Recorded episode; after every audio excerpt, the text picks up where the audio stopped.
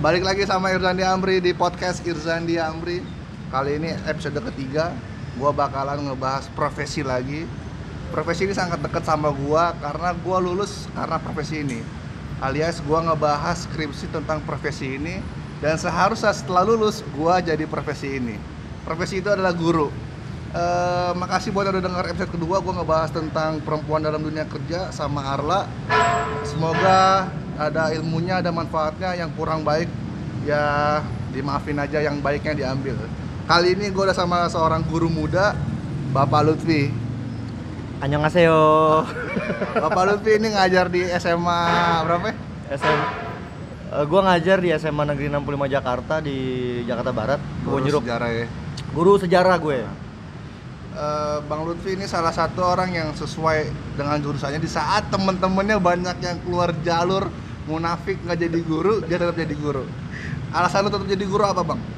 Kepepet. Kok pepet gimana tuh? Gak gue, Zandi gue kenal Zandi udah lama ya. Gue juga pas eh, kuliah sama gue kira Zandi tuh ngambilnya sosiologi pembangunan. Nah, Ternyata pas lulus gue tau jadi. SPD. Makanya gue gak, Salah satu pengkhianat juga sih sebenarnya. gue tak pas gue uh, tahu dia nggak ngajar gue pikir emang dia sos so- sospem ternyata pas ketemu lagi dia SPD gue sempat gue pengkhianat juga Salah satu pengkhianat. salah satu pengkhianat juga cuman ya namanya juga hidup ya kan Iya. namanya juga orang dagang gitu kenapa gue ngambil guru ya kenapa gue ngambil guru karena gue bener-bener pengen ngajar ngajar tuh setelah ngerasain praktek ngajar ya jadi gue ngerasa ada beban kalau gue nggak ngajar gitu kenapa ya beban Sama sebenarnya kalau Gua- beban bang. Gue juga SPD nih. Iya. Gue PKM. Tapi ketika lulus gue nggak ngajar tuh kayak Betul. ah gila lu kok nggak ngajar sih? Apa yang lu dapet? Maksud gue kayak gitu. Sepakat gue. Moral, moral. Eh, eh, di situ cuma emang nggak cocok aja kayaknya. Hmm. Selain itu apa tuh bang? Terus selain itu ya gue senang ngobrol sama orang ini kayak lu nih misalnya ngajak gue ngobrol gue senang aja gitu Senang gue juga. ke mana nih ayo ketemu di mana gue jabanin gitu yang penting ketemu ngobrol kan dan gue suka suka interaksi makanya mungkin menurut gue kelas adalah tempat yang asik untuk berinteraksi udah gitu setiap tahun kan ganti orang kan Ganti pasti orang. baru jadi gue pasti akan menemu orang-orang yang baru dan karakter-karakter yang baru itu sih yang bikin gue jadi guru. bertahan sampai jadi guru gitu Eh, Bang Lutfi ini punya YouTube loh bang ya? Punya. Channel, channel YouTube. Kalau Ya, YouTube, YouTube bukan punya orang- gue. Orang kaya dia. YouTube bukan punya gue Punya channel YouTube namanya Bang. gue punya channel sama juga konsepnya tentang ngobrol juga namanya ngobrol pintar seru jadi ngebahas tentang pendidikan juga concernnya ya subscribe. Ya jangan lupa subscribe Ya. gue pengen ngundangin Jandi juga cuman Siap. lagi pengen cari materinya apa kira-kira gitu kan Ya, apakah siap. tentang pengkhianatan atau Jangan tentang dong. pembelokan Jangan pembelokan dong. jati diri gitu gue nggak tahu Di masyarakat nih bang, dan Hmm. gua alamin sendiri, ada dua stigma yang ada di masyarakat. Pertama, udah jadi guru aja enak sekarang 15 juta, 10 juta. Ada juga yang bilang yakin jadi guru. Guru itu kan pekerjaan panggilan lah. Emang gaji guru udah gede. Nah itu lu gimana nanggepin itu? Kalau soal profesi sebenarnya guru paling gampang dapat dapat lapan lapa- eh, dapat lahan pekerjaan ya karena lu lulusan SPD nih lu buka bimbel di rumah orang percaya ya kan ya kan? misalnya di Zandi mau buka bimbel nih bimbel apa kek ya kan? bimbel Izandi Jaya gitu Ya, ya. Izandi sejahtera atau cerdas bersama Izandi gitu lu pasti ada aja Maju yang daftar. bersama Izandi. maju bersama Izandi pasti ada aja yang yang yang eh, belajar di situ Nah. karena paling gampang memang cuman kalau masalah gaji tadi yang dibilangin kesejahteraan memang dibandingin dulu tahun 80 90-an ya mendingan sekarang gitu Mendingan meskipun nggak sejahtera sejahtera banget Nah. toh banyak honorer yang digaji cuma 300 ribu per bulan DKI masih ada kayak gitu bang? Eh, digaji sih nggak ada cuma sejuta per bulan ada digaji cuma DKI kan ada? ya cuma kan lu hitung sejuta per Iya, bulan lu ya kan Apalagi kalau udah mau nikah gimana? Nah, tuh? itu maksud gue. Ya Allah. Buat mas kawin belum tentu ya Nah. dapat. Nah, jadi apa ya? eh, yang gue sayangkan sekarang guru memang paling gampang kalau jadi kerjaan Nah, untuk jadi guru sendiri ya gitu. Tapi kalau masalah kesejahteraan ya perlu kerja keras sedikit lah ya.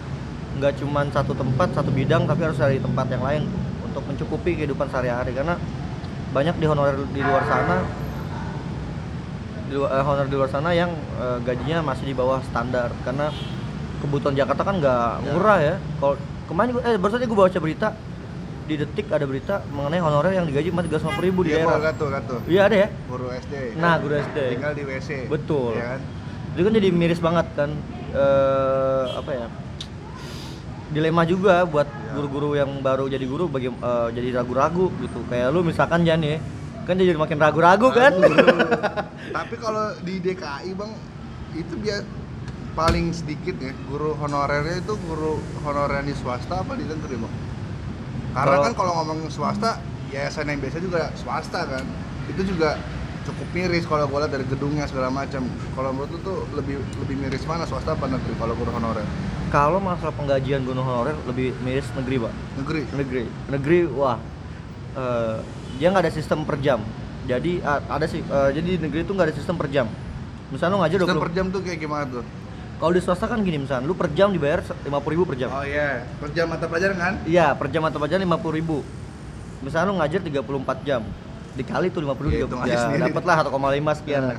kalau di di eh, negeri nggak gitu biasanya sekolah negeri memberikan kebijakan sebulan segitu gajinya Oh. misalnya 1,5 tapi beban lu lebih dari 34 Iya, jam tapi gue pernah ditawarin yang per jam tuh. oh iya swasta berarti Enggak negeri. oh negeri di mana ada adalah satu Hmm. salah satu sekolah tempat dekat sama gua betul kayak gitu. Tadi lu singgung masalah tanggung jawab moral bang. Ya. Hmm. kalau gua nggak salah lo waktu gua kuliah belajar sistem pendidikan Indonesia tentang pendidikan Eropa di Finlandia itu yang ngambil pendidikan atau jadi calon guru itu orang-orang terbaik 10 terbaik segala macam jadi benar-benar untuk jadi guru.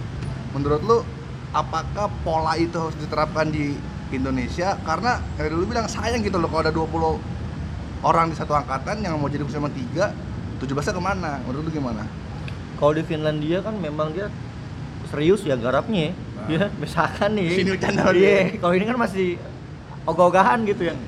Misalkan di UNJ nih misalkan instansi kita kampus kita nih. Iya. Dia minta 10 murid LPTK kan ya 10 murid eh, di setiap jurusan untuk mengajar berprestasi. Tapi apakah kampus kita menjamin kesejahteraan yang dia toh ujungnya diserahkan kepada ya baliknya ke kecuan berarti Nah, toh, intensif. toh ujungnya akan diserahkan kepada instansi sekolah masing-masing gitu. Sekolah ini sanggupnya ngasih berapa. Kalau di Finlandia nggak begitu. Finlandia itu pemerintah menjamin bagi yang jadi guru ada standarnya. Hmm. Dia minimal gaji eh, berapa kali lipat dari gaji standar. Iya. Karena ya Orang-orang juga orang yang, yang gua berprestasi. betul yang berprestasi dan beban kerjanya lebih besar. Iya. Meskipun cuma ngajarnya misal kerjanya cuma 8 jam se- eh, sorry 8 jam sehari tapi kan bebannya kan nggak cuma di sekolah di rumah pun ada gitu. Jadi ya kalau Indonesia mau kayak gitu ya silakan aja pemerintah mau bertanggung jawab nggak gitu. Atau enggak ya setiap kampus mau bertanggung jawab nggak? Jadi balik lagi ke ke kantong bang.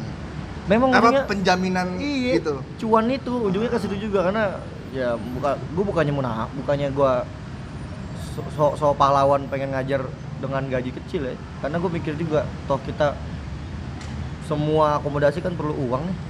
Lu ngajar masa nggak makan? Kan gitu minimal ya. Jadi ya harus pikiran ke situnya sih. Mumpung lu singgung tuh masalah lu ngajar butuh makan segala macam. Lu keberatan nggak sih sama peraturan yang ngelarang guru minta uang untuk LKS lah. LKS mungkin kita bisa apa akalin ya. Tapi kalau untuk ujian untuk ulangan lu keberatan nggak sama itu? Gue keberatan. Kenapa tuh? Sama satu Ya. lagi satu lagi sebelum dijelasin.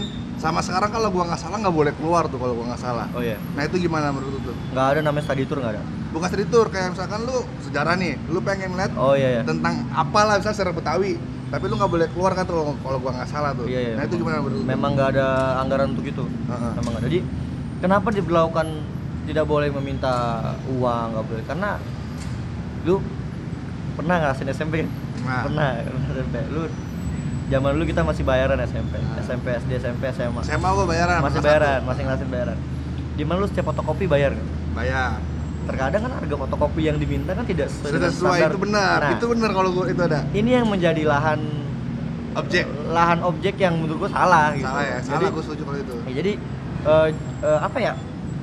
Itu praktek-praktek yang nggak harus ada lah gitu maksud gua. Kalau memang Nah. meminta uang untuk ganti modal misalnya fotokopi, ya silakan. Cuman kalau untuk sesuai iya tapi sesuai. Tapi kalau untuk ngambil keuntungan, aduh jahat banget gitu ya. Iya. Anak bocah gitu dimintain. Ya meskipun sekarang mereka ngebayarin tapi kan bayangkan mereka yang benar-benar nggak mampu gitu.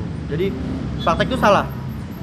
Praktek itu salah. Jadi eh, jangan membuat jadi kan jangan jadikan guru itu eh, pendidikan itu gue jadi pelin pelan jadi apa apa jadi jangan di, di kelas itu murid itu jadi objek Iya, jadi buat mencari keuntungan kan. Iya. Tapi kalau untuk yang emang bener ganti Betul. uang itu seharusnya boleh dong. boleh boleh cuman jangan sampai Ah, ngambil keuntungan Karena gua ngalamin sendiri waktu pas PKM itu keluar duit sendiri buat ulangan eh, yang ngerasa gitu loh bangsa tiga puluh ribu empat puluh ribu Kan lumayan. lumayan coy Makan sehari kan lumayan iya tuh. kayak gitu Eh, jadi tepat nggak tuh menurut lo pemerintah kayak gitu tuh tepat sih karena me- mengurangi kemungkinan untuk uh, mengambil hak mengambil uang yang bukan haknya gitu. Loh. Ya, tepat sih menurut gue cuman aduh gimana ya? Kalau ngomongin soal duit emang agak agak bingung juga sih. Iya. Tapi memang gue nggak nggak setuju kan tentang praktik-praktik seperti itu karena ya bukan jalurnya lah. Kalau emang lu memperjuangkan gaji lu ya perjuangkan apa yang lu lakuin. Misalnya kayak lu lu memperjuangkan hak lu nih lu ga, nga- nga- ngajar 24 jam. Ya lu perjuangkan ngajar 24 jamnya itu. Jangan jangan malah jadi ke murid ngambil ya ngambil lahan di tempat yang tidak seharusnya. Terutama di uang fotokopian atau KS atau segala macamnya itu. Lu lulus langsung ngajar bang? Gua lulus langsung ngajar. Di- gua nganggur dulu sih tiga bulan. Tapi langsung ke 65 langsung ke sekolah yang gue PKM itu yang memang tantangan paling berat buat guru muda tuh apa bang? Yang pasti ya yang pertama cibiran cibiran. intimidasi pasti. Dari meskipun nggak secara guru-guru yang langsung ya. senior tuh. meskipun nggak secara langsung ya. Ah. Intimidasi pasti meskipun nggak secara langsung karena ya lu masih baru lulus sekolah ya masih baru sekolah kuliah lu masih segede bonsai ibaratnya ya, pengalaman lu masih segede tumbler gitu Iya, kecil kecil. kecil banget sedikit banget terus belum lagi eh, tekanan lu di kelas misalkan kalau lu nggak punya kemampuan persuasif yang baik Ke murid. terhadap murid apalagi nggak bisa berbaur sama mereka kecuali kalau kita sering nongkrong ya misalnya kayak lu misalkan sering komunikasi sama orang pasti kan tahu bagaimana cara deketin orang tersebut gitu. Ya kalau misalnya lu orangnya introvert dan tidak bisa bergaul dengan orang lain lu akan mengalami kesulitan. Apalagi kan gaya hidup mereka pasti berbeda sama kita Lu jauh lah. Ya, ya jauh jauh banget zaman beda kita zaman sih ya. Kita dulu menghormati guru banget sekarang Nah itu. Agak Lu sulit. tipikal guru yang deketin murid atau mungkin sekarang lu jadi guru beneran ya kan? Hmm. Tapi ketika lu PKM lu tipikal guru yang nongkrong sama murid, deketin murid biar tahu tuh murid kayak gimana atau tipikal yang kayak guru-guru zaman dulu yang straight aja gitu yang yang keras segala macam lu yang, yang mana tuh? oh gue mengalami perubahan yang drastis PKM dengan guru jadi guru sekarang Nah. justru gue dulu PKM malah jadi strike karena Oh lu guru banget tuh. Wah guru banget gua, Eh, sensitif, marah-marah, kalau salah sedikit gua marah, Nah. gua melin, gua tegur segala macam. Lama-lama gua mikir, murid murid bukan malah respect sama kita, Iya. malah makin be, be- bodo amat gitu. Nah setelah gua ngajar jadi guru, ada waktu untuk belajar, maksudnya menggali lebih jauh karena kan kalau PKM kan cuma singkat ya, cuma enam bulan, ya. Ah. Dan lu harus kejar waktu itu. Nah kalau misalnya ngajar ini kan ada waktu bebasnya yang lu bisa explore diri sendiri. Setelah gua ngalamin ngajar, benar jadi guru, gue malah jadi terbuka sekarang nggak yang jaim pasti kan ngerasain di depan umum kelas pasti pengen jaim kan pengen dikenal sebagai sosok yang ditakuti dihormati ternyata di kelas itu itu malah nggak bagus Nggak butuh gitu. kalau menurut gua. nggak butuh yang penting lu menyenangkan aja di kelas Iya. selesai nanti lama mereka respect kalau gue sih gitu makanya justru PKM gue malah strike banget. Sekarang gue malah bebas aja gitu. Iya. PKM itu praktek kegiatan mengajar. iya betul. Kalau gitu aja gue sampai lupa loh. Lu lu waktu awal ngajar langsung masuk dapodik apa enggak bang? Dapodik itu apa bang? Jelasin dulu bang aduh udah podik apa ya? Gue lupa. Dapodik dia itu gajinya udah disesuaikan oleh pemerintah DKI lah kurang lebih gitulah ya ya, kan? nama lu didaftar di dinas lah dari gitu ya. dinas bukan sekolah lagi yang Bukan bayar. sekolah lagi yang bayar. Nah lu di awal masuk itu udah masuk dapodik apa sekolah? Masih sekolah dulu sempet sempet ngajar dua sekolah. Jadi gua 65 sama? swasta satu lagi ada. SMP. 65 tapi belum belum masuk dapodik belum enam bulan pertama. Dan itu gajinya nggak berapa tuh lu dikasih cuma sejuta eh, sebulan. sejuta sebulan. Baru? Itu lu eh, enam bulan berarti satu semester baru lu masuk dapodik hmm. jadi ditawarin berapa lo? Maksudnya Jadi- di, jadi- di apa? Soalnya kan gue skripsi tentang ini ya. Ada cerita guru yang diimingin, bukan diimingin kayak udah sini bayar sekian nanti masuk dapur segala Ah. macam. Nah itu lo digituin nggak? alhamdulillah sih gua nggak ngerasain Enggak ya ya? nggak nggak nggak nggak ada paksaan unsur atau harus bayar gini biar gua Ah. bisa dapat gaji segini nggak Itu kali lebat tutup lapang tuh menurut gue tuh bang. kenapa Maksud, maksud gue lu ngeluarin ceban misalnya 10 juta buat Hmm. dapodik. Itu baru berapa bulan baru balik tuh duit. Iya, tiga Iya bulan, kan? empat bulan. empat bulan. Itu, Itu pun empat bulan gua nggak nggak jajan, lu Surplus bayangin. 2 juta doang. Ah, gila lu nggak jajan lu. Kayak gitu gue nemuin kayak kayak gitu. Terus menurut lu nih lo kan guru muda nih. Tantangan lo tadi udah lu jelasin. Eh, tapi problematika lu permasalahan lu dengan guru yang agak sepuh mungkin berbeda masalah terbesar buat lu saat ini guru tuh apa bang?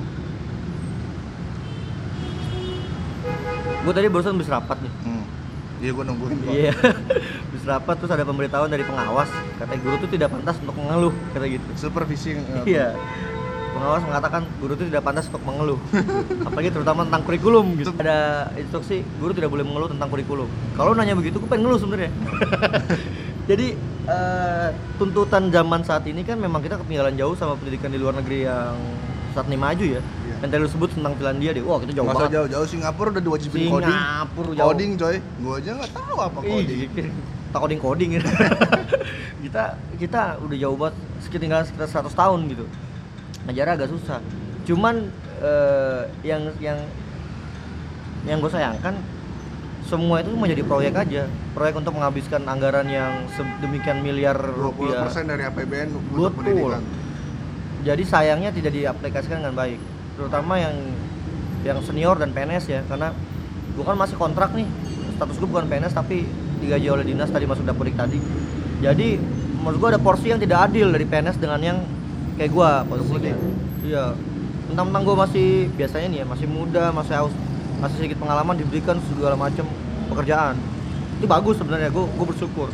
Tapi di sisi lain yang PNS yang memang harusnya menjadi sebuah kewajiban mereka tupoksinya mereka justru tidak diberikan tugas yang seharusnya jadi agak ya berimbang kesulitannya di situ gua menerimanya itu sebenarnya menerima keikhlasan itu gua sulit kadang-kadang ya gitu. Hmm. Tapi kalau guru kayak lu tuh masuk dapodik sebutnya apa bang? Honorer juga kah atau apa? Eh, gue bingung gue, sumpah. Soalnya ketika gue PKM itu ada satu guru bilang ke gue, sekarang udah nggak ada mas guru honorer dia bilang gitu. Adanya K2.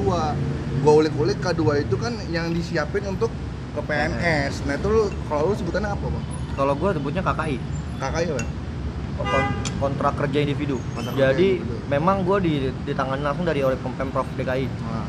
gaji gua pun dari pemprov DKI dan dari anggaran APBD DKI Tapi lu ntar bisa ikut yang apa P3 ya? Apa P3K. Ya? P3K bisa ikut? bisa bisa semua itu bisa cuman untuk P3K memang dikhususkan yang K2 tadi. Oh, yang, K2 yang udah agak ya harus senior tinggal- tinggal Ya. berapa tahun ya, ya makanya gue harus mengalah lah ya. Gue paham betul baga- bagaimana apa apa ya tantangan yang dihadapi oleh para K2 itu yang udah senior senior umur 40 tahun 45 ada, tahun. Ada hierarkinya berarti bang. oh ya ada ada tahapannya. Dan yang K2 itu masih ada ribuan cuy. Jadi gua untuk PNS ini ya gue mungkin kalau P3K agak ngalah lah dikit gitu ya dan pengalaman kerja ngajar mereka lebih lama daripada gue yang baru ngajar. Cuman eh, untuk yang tadi itu karena gue eh, kontraknya berdasarkan gue nggak tahu nggak tahu- mereka sih nyebutnya kuliah kerja individu eh, kontrak kerja individu ya KKI. Eh, jadi sekarang ada dua segmentasi yang berbeda. Honorer itu ya yang gaji sekolah. Iya. kalau KKI kayak gue yang gaji pemerintah. Gitu doang. Masuk ke Dapodik gitu kan. masuk ke Dapodik Pemprov DKI masuk Kalau KKI ngomongin kesejahteraan guru gimana bang sekarang bang? Karena tadi kan gue bilang di awal ada sebagian masyarakat yang taunya guru tuh 10 juta, Sepakat. 15 juta, mobil cakep-cakep. Nah, tapi ada juga yang sebaliknya. Itu gimana sekarang bang menurut kesejahteraan guru? ya bersyukurnya sih ya sekarang orang nggak takut jadi gua apa eh, orang tua orang tua zaman sekarang misalnya lu mau nikah nih ya ngomong sama mertua lu nih Guru. kerjanya apa guru lu nggak akan dipandang remeh seperti dulu gitu kalau zaman dulu kan lu susah gaji guru ya kalau sekarang sih ya tadi gue bilang sekarang guru paling gampang kerjanya karena semua siswa butuh materi meskipun bimbel atau apa pun gitu cuman kalau masalah tadi paradigmanya kalau guru tuh gajinya enak gede segala macam ya guru apa dulu Hmm. kalau lu Guru. guru yang bukan PNS ya jangan harapin gaji lu 15 juta so kalau PNS Terus, terus kalau kita ngomongin secara general sekarang gimana bang kesejahteraan guru bang? ya kurang Kurang. Bagi yang guru-guru baru kayak gue Dalam arti kurangnya itu ap- apakah yang didapat nggak sesuai dengan jam kerja atau gimana masalah kurang itu? kurang apresiasi sebenarnya dari apa yang kita lakuin. Hmm. Jadi eh, jam kerja yang kita di- yang diberikan kepada kita tuh kami, saya, gua, Guru lah. ya guru gitu yang guru baru eh apresiasinya kurang. Misalkan harusnya segini tapi tidak diberikan. Ya gua rasa gue sih bersyukur sih. Gue termasuk orang yang beruntung. Gue nggak tahu teman-teman gue yang lain di luar sana kayak gimana gajinya ya. Karena ada juga yang tadi lu bilang. Gue punya teman juga di FIK dia dulu pelatih. Olahraga lu punya teman di Evika gimana iya tuh? olah- olahraga itu. Dia tadinya pelatih. Pelatih sepak bola. Gajinya luar biasa. Iya. Terus tiba-tiba disuruh ngajar SD diiming-imingin lu lepas deh lu pelatih. Lu bakal masuk kontrak gaji lu UMR kayak gua. Iya ternyata setelah dilepas semua kompetisi semua dilepas pelatih semua dilepas privat semua ngajar dilepas gua olahraga. ngajar di sekolah SD sampai setahun gak diangkat-angkat. Astaga. Gajinya Oh. cuma 1,2 lu bayangkan betapa stresnya gitu Iyalah. tekanannya. Ya ditipu itu namanya tuh. Ya Kacau, ya itu maksud gua ya kalau mau ya bersifat bagaimana bijaksana sebagai manusia lah gitu. Eh sosok bijak juga gue. Jadi jadi guru bang. Kalau dalam skripsi gua eh, gua lupa lagi siapa orangnya itu dibilangnya kesejahteraan guru itu tergantung bagaimana politik kita saat ini. Betul Gitu. betul dinamis betul. Eh, tapi gue mau sedikit ini nih cerita nih. Tahun 70-an 80-an itu eh, ada seorang guru swasta namanya Sartono. Itu lagu Hemnegur dia nyiptain. Oh ya tahu gue. Sampai diapresiasi sama Menteri Daud Yusuf. Bahwa ini apresiasi kita terhadap guru. Tapi dalam lirik itu bang apa pahlawan tanpa tanda jasa. Artinya nggak artinya ya udah pahlawan tanpa jasa aja nggak hanya sekedar moral tapi sisi material itu nggak diapresiasi. Itu setuju lo Hmm, setuju gue apa karena sebutan itu jadi ya udah moral aja lah material nggak nggak perlu gimana menurut lo? Gue gue sempet sempet nggak setuju kalau guru itu sebuah pengabdian. Hmm. kenapa? Karena guru itu sekarang jadi pekerjaan. PNS pun jadi pekerjaan. Cuman ya kalau emang kalau harusnya konsisten kan? Sekarang di sim gue nama pekerjaan gue guru. Guru kalau kalau guru itu sebagai pekerjaan harusnya konsisten. Nah, menggaji guru sebagaimana dengan apa yang mereka lakukan. Harusnya kan gitu ya. Berarti bukan cuma moral harus material juga ya? Harus material juga. Sekarang zaman sekarang agak susah kalau ngomong material gitu. Jujur aja ya. Ya kita harus preferan juga kan harus Iyalah. realistis lah ya. Kalau Nah. gua ngomong realistis. Bukan materialistis tapi realistis lah kita. Kebutuhan kita saat ini kan cukup cukup eh, banyak gitu ya. Lu tinggal di Jakarta nggak cukup gaji 2 juta per bulan jujur aja gitu lu harus tambahan juga jadi ya sti- eh, slogan itu sebenarnya bagus pahlawan tanpa tanda jasa memang guru tuh perlu keikhlasan cuman jadinya diiklasin sama orang gitu Iya, jadi moral lo nanti gue bilang hanya sebatas Iya, jadi di- Moral. diremehkan sama orang lain. Ah, guru, ah lu nggak digaji nggak apa-apa. Jadi gitu. secara material kurang. Salahnya di situ. Jadi ya kita merasa guru bangga, tapi orang lain menganggap kita tuh nggak nggak apa-apa. Gitu. Ada juga yang apa-apa. bilang enak jadi guru apa namanya yang gue lupa pahala jariah banyak ada juga bilang Oh. gitu tuh hanya sekedar itu menurut gue bang Ya, kalau disebutin mu jadi nggak ikhlas kan? Iya. Iya, dah, ya. Eh, tadi gue sedikit singgung tuh masalah politik kita bahas sedikit politik aja terhadap guru karena ini juga gue temuin fakta fakta menarik Eh, hampir di setiap kontestasi politik selalu guru didek- dideketin lu nyadar nggak karena Iya. itu dan menurut tuh gimana tuh bang apa yang harus guru lakukan apakah proteksi dirinya atau gimana Sebenarnya guru tuh harus inde- independen. Harus ada ide, ada harus ada rasa independensial yang tinggi sebenarnya. Jadi eh, guru tuh harus punya sikap yang konsisten bahwa tidak terpengaruh sama hal apa pun. Harusnya gitu ya. Tapi kan karena guru tuh PNS sifatnya pegawai negeri sipil, maksudnya guru-guru yang udah resmi pemerintah ya, bekerja untuk pemerintah, menjadi bagian dari pemerintah. Ya mau nggak mau menjadi sebuah eh, lahan perpolitikan yang sangat hangat gitu. Iya. Karena di setiap pemilu kalau lu perhatiin setiap pemilu presiden pasti yang Pasti. diangkat tentang guru dari zaman Orde Baru sampai sekarang. Karena- Bahkan Soeharto mensejahterakan guru banget dulu. Makanya guru sangat nurut banget sama Soeharto. zaman Soeharto kan PGRI bagian dari partai Golkar bang Betul. Eh, bagi Prof. Siti Zuhro waktu gua ketemu dia dia bilang kalau politik guru itu udah udah lebih lebih masif atau lebih kuat dibandingin politik-politik lainnya. Betul. artinya artinya pasti guru tuh selalu dideketin gitu loh. Baik secara langsung ataupun nggak langsung. Contoh aja misalkan misalkan nih menurut gua nih ya menurut gua aja. Kalau misalkan dinaikin kesejahteraan guru itu kan salah satu untuk biar aman gitu loh. Menarik atau simpati, ya. atau ya paling gampangnya janji angkat guru honorer gitu.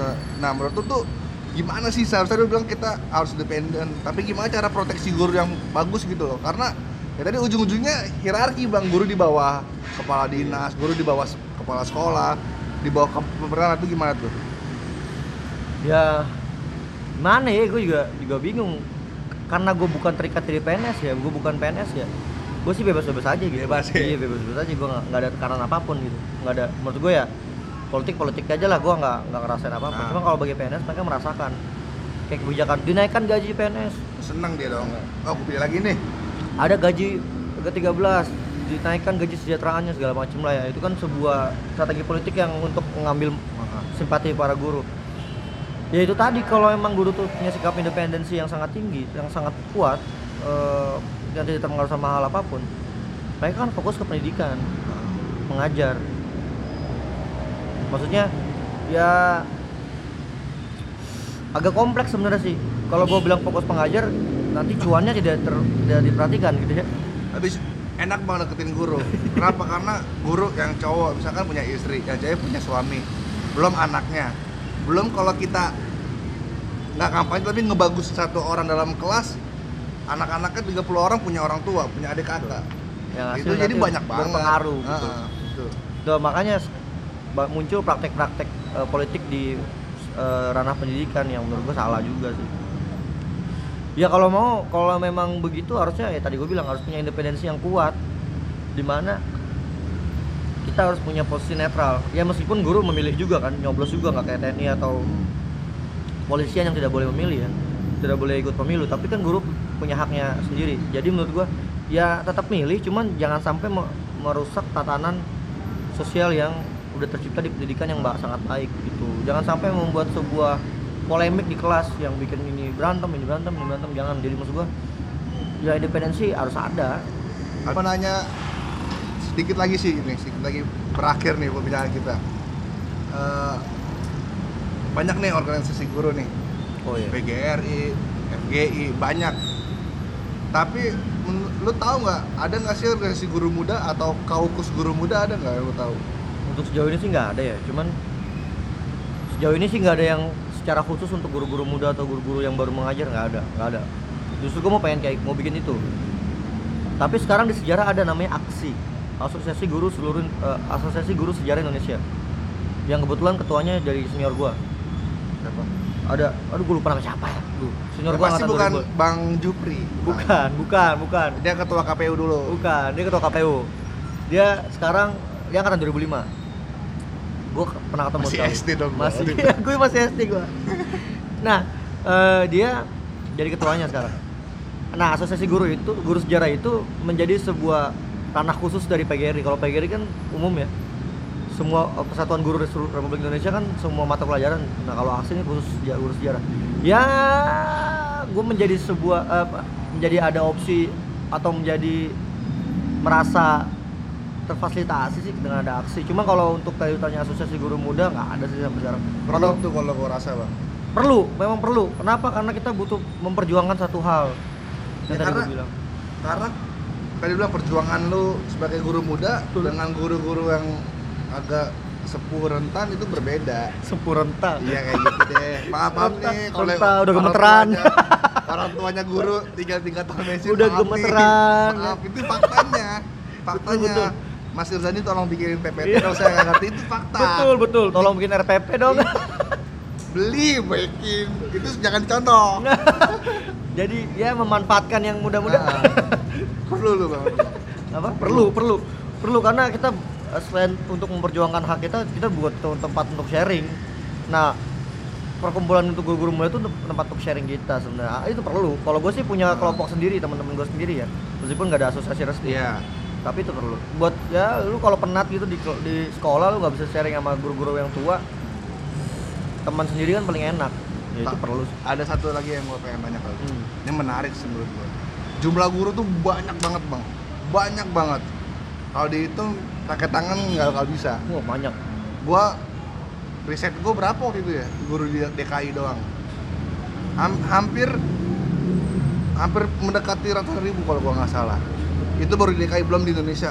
Artinya anggota PGRI nih, PGRI kan secara nggak langsung orga- organisasi yang diakui pemerintah. ya Kenapa gue bilang ini? Karena setiap hari guru yang dipakai batik PGRI, bukan batik mohon maaf organisasi guru yang lainnya. Nggak, belum belum lama kemarin Jokowi kan ikut PGRI kan Iya, maksud gue dari dari zaman SBY apa 25 November pakai batiknya batiknya batik PGRI. Jadi gue secara nggak langsung menyimpulkan PGRI yang diakui oleh pemerintah sebagai induk organisasi guru ya, kayak gitu.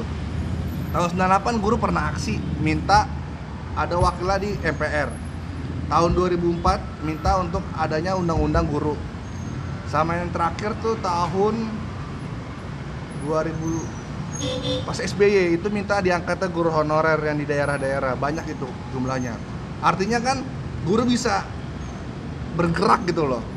Nah yang lo harapin tuh untuk ke depannya seperti apa dalam pergerakan guru bang? Movement movement guru tuh harus kayak gimana? Gue selama ketemu guru-guru ya di MGMP guru-guru yang lain ya mereka rata-rata kecewa sama PGRI sebenarnya. Nah. PGRI kan punya power sebenarnya punya masa ya. Tapi kenapa nggak bisa me- menyuarakan hal itu? Misalkan kayak kemarin deh pas CPNS tahun lalu eh, tahun lalu ya. Kan gue ikut juga tuh. Jadi CPNS kan dibatasin sampai 35 tahun maksimal yang berontak justru yang K2 yang tadi bilang K2 itu rame itu. Ya K2 demonstrasi di depan istana. Apakah K2 dipayungin sama PGRI enggak justru. Harusnya kan PGRI keturun tangan dong. Nah ini yang yang yang, yang disayangkan sama guru-guru di di sekolah-sekolah yang pernah gue ketemu gue tanyain. Pada ketua umum PGRI sekarang itu gue lupa siapa namanya itu perempuan Ah. UNJ itu FI FIP kalau gue nggak salah. Nah, justru pelana eh, PGRI sekarang jadi apa? Bayi batu loncatan untuk ke politik. Nah, banyak balik lagi, anggota- balik lagi ke zaman dulu berarti Bener, banyak anggota DPR yang dari PGRI justru. Iya. Jadi mereka jadi PGRI dulu, pengurus PGRI, kemudian kan jadi caleg. itu Ya. nggak heran bang lu bisa searching sekarang di googling Eh gue nggak usah sebut namanya lu searching aja PGRI menyarankan anggota untuk berpolitik itu ada itu ada di berita nasional ketika hari PGRI Betul. 2015 apa 14 gitu mendekati pileg lima tahun yang lalu itu ada Ya kalau emang politik tapi tujuan untuk memperjuangkan guru nggak apa-apa. nah, Cuma itu kan itu jawaban dia pasti gue tanya cuman pada akhirnya kan lupa diri, Nah. gitu. memperkaya diri sendiri, tidak memperdulikan yang lain dan tidak bisa memperjuangkan hak, -hak guru yang seharusnya diperjuangkan sama dia ketika masuk ke ranah politik. Ya disangkanya gitu. Kenapa PGRI nggak punya power sekarang? Hanya sebagai tempat untuk batu loncatan ke politik untuk mendapat suara lebih itu yang menurut gue sayang. Ya harusnya PGRI bisa memayungi contohnya kayak guru-guru kayak gua nih misalnya atau kayak lu nih yang butuh fasilitas kayak gue mau jadi guru nih Kati apa bukan K3 akta 4 yang gua- ya akta 4 kita juga nggak punya, gue juga nggak punya kan. Eh, gue pengen jadi guru nih, gimana caranya ya? Minimal PGRI bisa memfasilitasi orang-orang kayak orang pengen jadi guru tapi nggak bisa gitu. Kan harusnya seperti itu kan. Beri, jadikan tempat sebuah tempat saran atau apa kan konsultasi kan lebih enak. Iya. Jadi merasa ada gitu, bukan cuma sebagai sebuah nama doang. sampai pada akhirnya hanya harapan yang bisa kita tanamkan terus. Harapan lu ke depannya dari untuk proses rekrutmen guru sampai permasalahan guru saat ini apa bang? harapan gua ya pemerintah lebih serius memperhatikan guru lah. Jangan cuma sekedar guru sebagai sebuah eh, tanggung jawab pengabdian. Nggak cuma sekedar pengabdian tapi lu harus perhati, apa pemerintah juga harus perhatiin mengenai kesejahteraan mengenai nasib mengenai Perlindungan sih. perlindungan mengenai jenjang masa depan. Karena kan guru juga eh, mereka punya keluarga kan segala macamnya gitu. Mereka juga punya keperluan pribadi. Ya gue pengennya pemerintah lebih perhatiin hal itu kurang kurang kepedulian terhadap terhadap guru gitu. Jadi mereka menganggap guru itu ecek-ecek lah gitu. Ya jangan gitu juga. Ya harapan gue sih gitu pemerintah perhatiin lah. Ya nasib nasib guru-guru di daerah terutama ya. Kalau di Jakarta sih ya Cukup lah. Nggak cukup juga sih maksudnya ya Jakarta ya Mending lah. ya masih bisa lah orang masih bisa mencari penghasilan yang lain ya cuma kalau daerah kan belum tentu mereka kan punya kesibukan yang luar biasa jadi tolonglah pemerintah lebih perhatiin hal itu jadi agar yang muda-muda tuh mau ngajar mau ngajar gitu Benar. masalah kita butuh regenerasi Oh, iya. Kalau nggak- kalau lulusan SPD boykot jadi guru. selesai Nggak ada regenerasi. bener coy. regenerasi nggak ada proses penyegaran mengenai kurikulum susah lu nggak bisa ngerubah kurikulum baru tapi dengan SDM yang Nah, tua-tua itu sulit Sebelum berak. makanya makanya gue mikir percuma kita berubah kurikulum berkali-kali tapi kalau misalkan secara penyampaiannya nggak bener nggak akan berhasil Iya. Gua gitu jadi itu tadi balik ke pemerintah peduli nggak kalau Ya, pemerintah, pemerintah. peduli Pemerintah yang baru. peduli nggak kalau Peduli nggak? ayo gitu kalau nggak kalau nggak peduli guru nih kalau nggak peduli ya gue jadi guru silat aja lah kan gitu ya Guru Enak kan? silat. Di YouTube itu Iya. gue denger tuh. terakhir bang, ini bener terakhir kali ini. Ya. Kalau disuruh pilih kesejahteraan guru, perlindungan guru, kebebasan guru, mana yang lu pilih untuk lebih dibenahi? dikonsenin kesejahteraan lah. Beneran perlindungan guru udah cukup lah maksud gua. Banyak guru yang di penjara bang sekarang bang. Iya. Susah juga ya. Kebebasan guru juga lu nggak bisa berlaku bebas juga kan? Karena terakhir ada- 2000 berapa ya Bu Retno ya yang dipecat sama Ahok? Lah kemarin Bu Inian yang kemarin siapa tuh yang di penjara gara-gara kepala sekolah yang godain dia? Baik. Ya. Baki. Baik eh siapa namanya? Lupa gue. Maaf nih lupa kita Iya. depannya B pokoknya. Iya. Iya kayak gitu kan? Iya eh, ya. Aduh gue bingung juga sih karena memang kesejahteraan dan perlindungan yang perlu sih. Ya. Aduh apa ya pilihnya ya? Sisi lain gue pengen pelindung melindungi ya. Yang paling urgensi dia dulu untuk sekarang nih apa? Kesejahteraan hmm? Sejahtera- kesejahteraan lu jangan natap gue gitu gue jadi takut aja. Gue jadi bingung nih. Ya dua lah gue pilih ya. Satu dong. Satu. Satu ya aduh. Satu. Aduh. Aduh. Ada dulu perlindungan lah perlindungan berarti? Urgensi sekarang ya perlindungan Iya, lah. oke. Karena banyak praktek-praktek eh, banyak eh, kasus-kasus yang justru mengintimidasi guru ya. Membatasi gerak guru yang yang kayak kemarin tuh. Guru melaporkan kegiatan apa perlakuan bejatnya kepala sekolah malah justru dilaporin balik. Malah diangkat jadi apalah gue lupa di Mataram tuh. Bajingan kepala emang. pokoknya. Dah bajingan emang. Busuk tuh laki-laki bajingan emang gitu tuh. Kalau emang tanggung jawab lah kalau emang ngegodain godain lah jangan lepas tangan terus lu malah menjadi orang tersebut nggak nggak nggak, ah gembel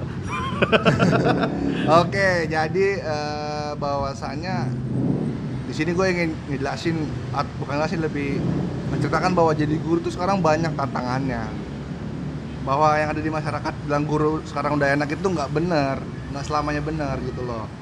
Eh, jadi guru tuh banyak kesulitannya.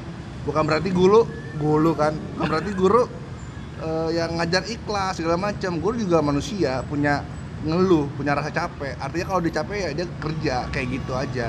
Jadi ke depannya sih gue berharap bisa lebih menghargai kinerja guru ya, khususnya buat murid-murid nih yang ketika jadi anak SMA, SMP itu seneng banget kayak kalau dihukum guru, dimarahin guru, ngerjain guru tuh seneng banget.